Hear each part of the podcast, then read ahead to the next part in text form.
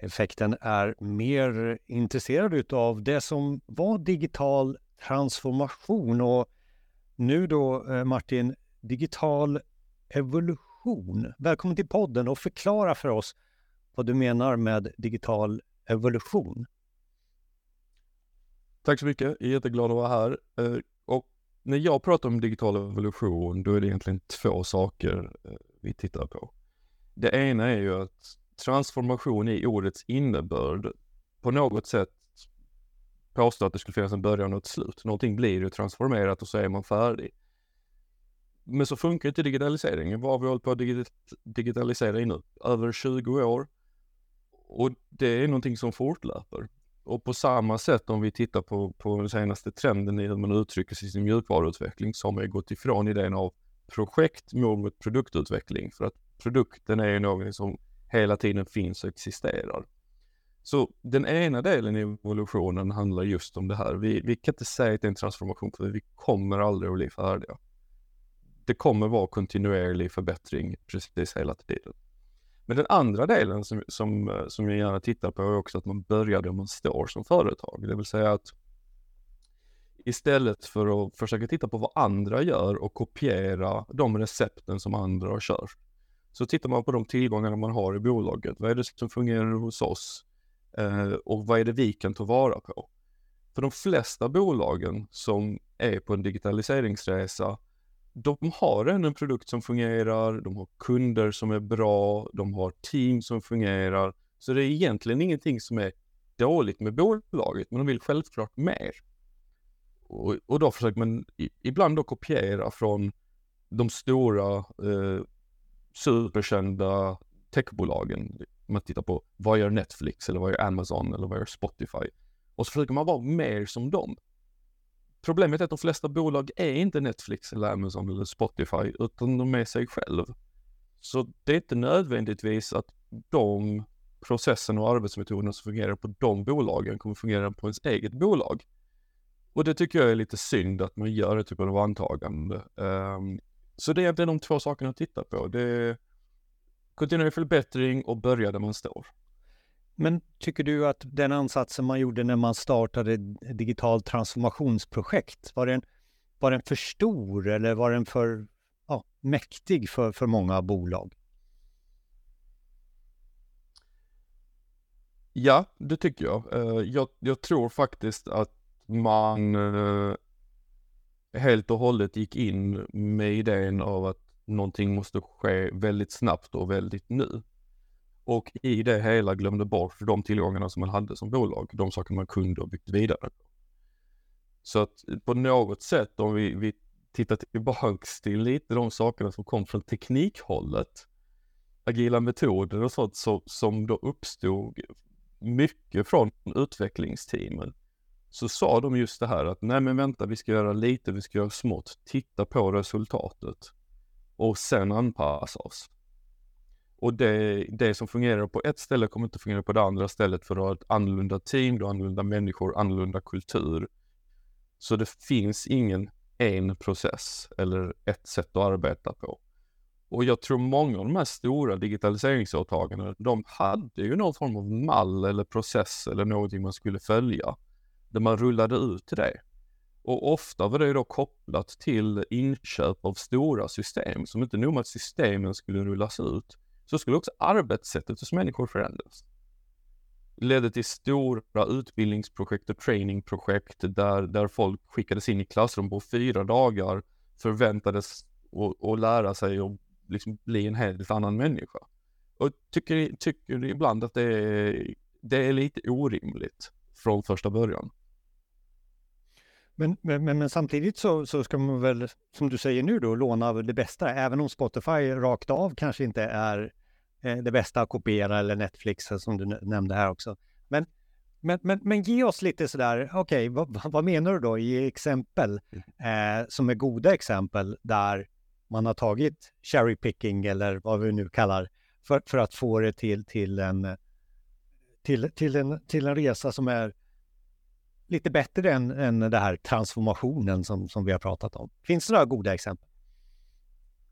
låt mig förtydliga, för det är precis som du säger, här är, här är ju cherry picking, det är ju det vi pratar om.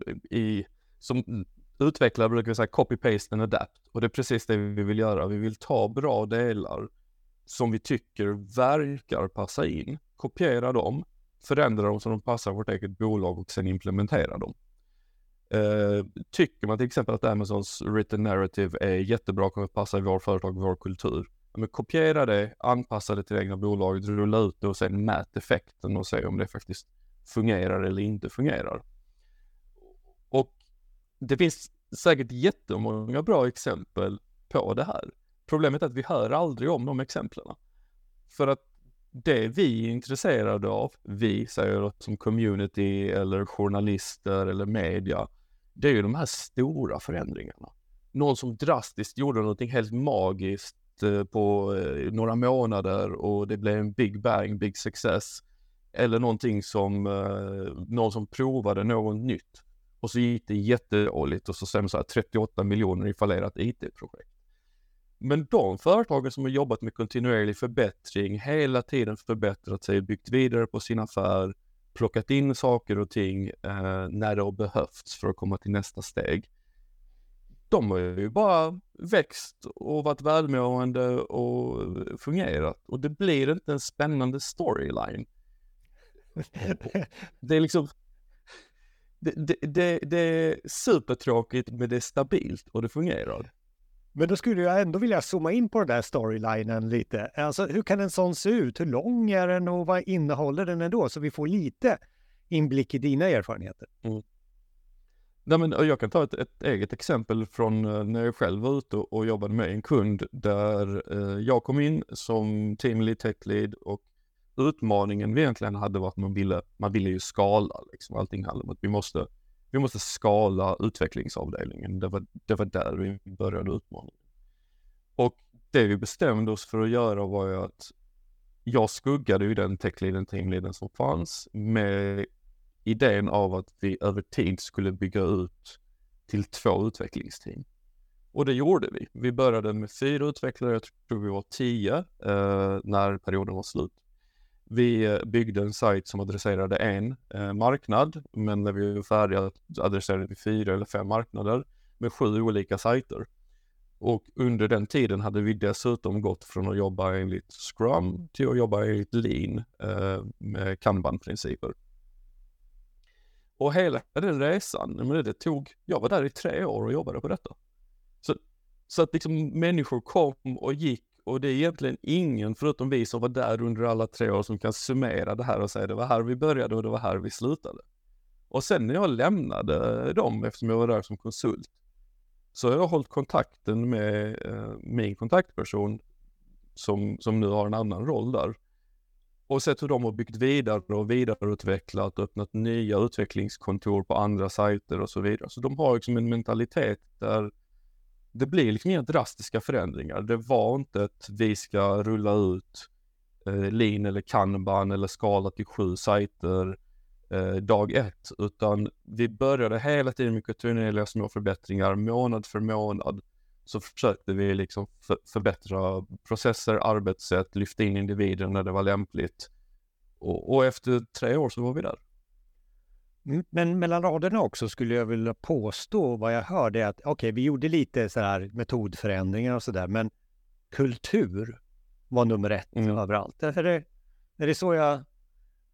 Är det kulturen som äter allting till, till frukost? eller vad det är på, på engelska. Är det så, eller?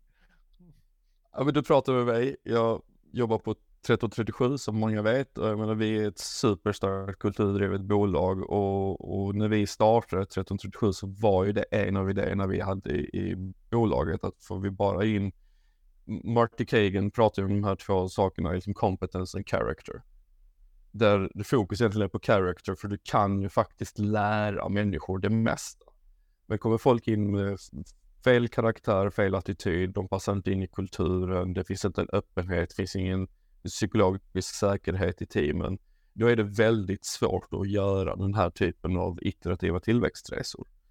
Eh, så, så, att absolut eh, finns det en stark kulturkomponent. Men sen ska man också, men jag är konsult, jag har varit konsult i, i eh, hela min karriär, det är snart 22-23 år. Det viktigaste är ju att man kommer dit och identifierar vilken kultur som finns på just det bolaget. För att jag har ju min idé av vad, vad min idealkultur är, men när jag går in hos en kund så måste jag ju snappa upp vad som är kulturellt viktigt hos dem och hur deras kultur fungerar. Eh, och sen bygga vidare på de bra sakerna som finns där. Eh, men ja, det korta svaret är att kultur är superviktigt. Det är superviktigt att ha en kultur som tål förändring, som tycker förändring, eh, trots att det är läskigt också roligt. Eh, och en kultur där man får lov att göra fel. För de här resorna, är, även nu när jag berättar historien så är det en linjär historia. Det var allt annat än linjär. Jag kan berätta om tre eller fyra olika failures på vägen. Inklusive när vi kom på att daily stand-ups är det dummaste vi har hört talas om, så vi tog bort det ur processen. Och efter tre veckor så var det ingen som visste vad de höll på med. Och då förstod vi att okej, okay, men det här var ju inte så bra, då får vi återintroducera det. Det var ju ett test, det var ju värt att prova. Iterationen är det som, som oftast kanske hjälper då i, i sådana här, det här exemplet och, och kanske flera exempel. Ja. Men jag skulle vilja toucha eh, eh, någonting som vi, innan intervjun så pratade vi lite om något projekt, ett projekt som många satt igång med och kanske kallar det också digital transformation. Det var ju under pandemin där alla skulle jobba remote work. Eh, så. Eh, och om man tar det projektet som ett exempel i våra organisationer, eh, var, var är dina observationer om evolution kontra transformation kontra kultur? Eh, det här är ju ett kärt ämne för mig. Jag, jag älskar ju älskar ju att prata om just den här idén av eh, hur vi arbetar tillsammans. Och, och det blev ju som sagt väldigt mycket diskussion i alla företag precis när pandemin slog att nu måste alla klara av att jobba remote. Det var inte valt utan det var någonting som var påtvingat från yttre omständigheter. Och vissa företag kunde hantera det bättre än, än andra företag. Men det slutade med att alla på något sätt ändå kom dit. Och det jag har roat mig med nu är ju att titta på var bolag är efter pandemin. För att vi läser ju titt som tätt att nu har det här företaget tvingat alla att gå tillbaka till kontoret och nu är det slut på remote-arbete medan andra företag väljer att göra någon form av 3-2-modell. Andra bolag säger nej men det här med remote funkar superbra för oss, vi kommer fortsätta på det. Och se var var de innan pandemin? Och det jag upptäckte är ju att många av de bolagen som inte hade liksom befintliga verktyg och processer på plats, det vill säga de hade inte videoverktyg för videomöte, de hade inte Gira och Slack och de här kommunikationsverktygen för digital kommunikation på plats. De blev så traumatiserade av den här stora utrullningen som skulle ske här och nu och jättesnabbt. Så samma dag som de fick veta att det var okej okay att jobba från kontoret så var ju de på väg att, eller tvingade alla att gå tillbaks till arbetet. Så alla ska tillbaks till kontoret. Vi är liksom, där nu är det slu, slutgjort. Och trots att de nu faktiskt har alla verktyg på plats för att kunna arbeta remote. Det är bara att den här drastiska utrullningen, den här uh, hetsprojektet blev så traumatisk för organisationen så att de, de ser bara den här pandemin som två väldigt mörka år. Å andra sidan, de bolagen som hade processerna på plats och hade verktygen på plats, där det blev liksom en mindre justering i arbetssätt. Okej, okay, vi kan inte komma in till kontoret, men vi kan fortfarande jobba med Gira och Slack och vi har videomöte. De är mycket mer så här, nej men fan, vi kör en flexibel modell eller vi, eh, vi kör helt remote. Och det visar ju bara den här effekten av att vad händer om man gör de här stora utrullningarna? Hur traumatisk blir en sån stor förändring för en organisation kontra att man kontinuerligt rullar ut mindre verktyg, mindre arbetssätt hela tiden utan att skaka, skaka organisationen i frågan. Så jag tycker, ty, ty, tycker det är väldigt spännande att se. Eh, så varje gång jag pratar med någon som är så, nej men vi har tvingat alla att gå tillbaka till kontoret. Så frågar jag så här, men hur jobbade ni innan pandemin? Det är nästan alltid att de körde fysiska boards, uh, allting var fysiska möten, fanns ingen möjlighet att ringa in. Uh, Nästan alltid. Finns självklart undantag. Men, men de ledningsgrupper och de organisationers ledning som är stressade, rädda och har bråttom. Eh, specifikt det kanske när det, det, är AI som står överallt just nu. Eh, är de rädda, stressade och har bråttom i onödan, tycker du?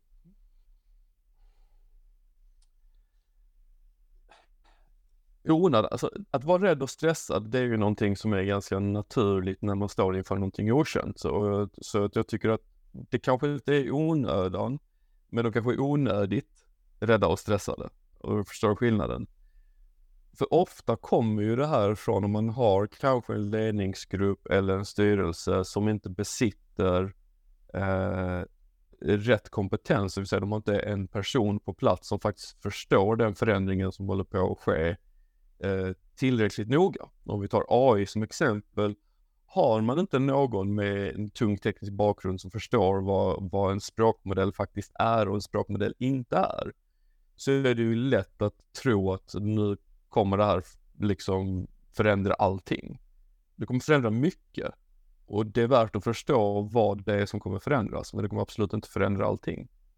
Så, så när jag stöter på ledningsgrupper och styrelser som är stressade över en specifik teknik eller något som är där så brukar fråga sig, men har ni en tekniker i er ledningsgrupp eller styrelse? Nej, men vi rådfrågar tekniker. Men okej, de borde sitta där. CTOns roll är viktigare idag än någonsin tidigare. Det, det tycker jag. Så att, så att eh, någonstans så tror jag att man ska se till att ha eh, den tekniska kompetensen i både styrelser och ledningsgrupper.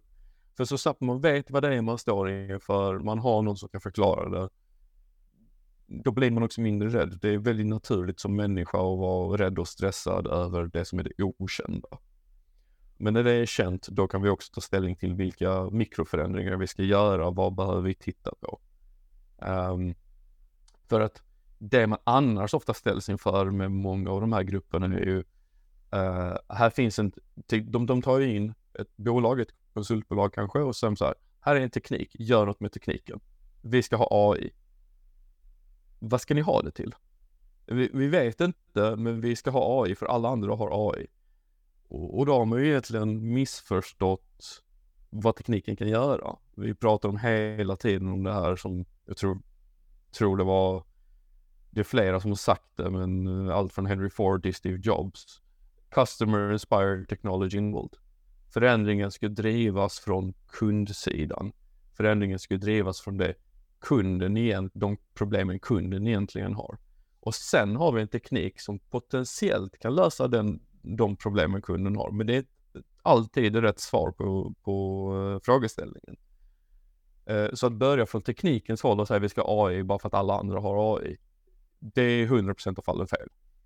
Och då har vi glömt vår historia som alltid har börjat med kunden. Ja. Ja. Och så här på slutet, vi har, pratat fram och tillbaka och, och, och, och, har vi någon sån där, jag brukar vara fan av receptet 1, 2, 3 så här på slutet, men skulle vi summera det och, och ge lite råd, vad skulle det vara? Det klassiska konsultsvaret är ju det beror på, eller hur?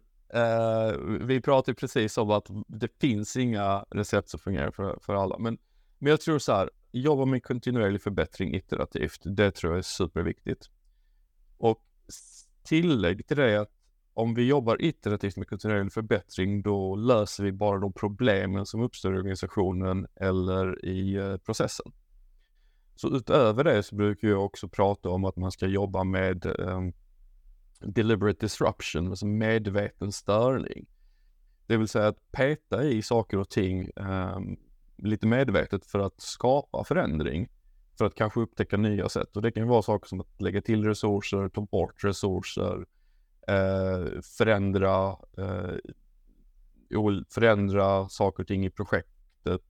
Bara för att se vad som händer. För att mäta effekten av en störning och se om man hittar ett nytt sätt att jobba på. För att där uppstår innovation. För då har vi förbättringen som är kontinuerlig via störningar eller att tänka annorlunda kan vi få in innovation. Och sen sistnämnda, är om man känner sig stressad över teknik, titta på vem som ingår i teamet. Har ni någon tung teknisk profil eh, som sitter i det teamet som är stressat? Om ni inte har det, se till att få in någon som faktiskt kan förklara vad det är som händer på marknaden och exakt hur rädda ni behöver vara. För det är inte säkert att man behöver vara rädd. Det här är ju ett intressant ämne för podden, eh, därav namnet Effekten till exempel. Och det finns också i nu eh, show notes direkt eh, lite mer länkar till egentligen det som, som ska ta oss vidare. För att som du sa, det finns kanske inte ett recept för alla, men det finns väldigt mycket att utforska. så. Mm. och vi får väl återkomma till ämnet. Så tack för att du var med i Effekten, Martin. Tack så jättemycket, jättekul att vara här.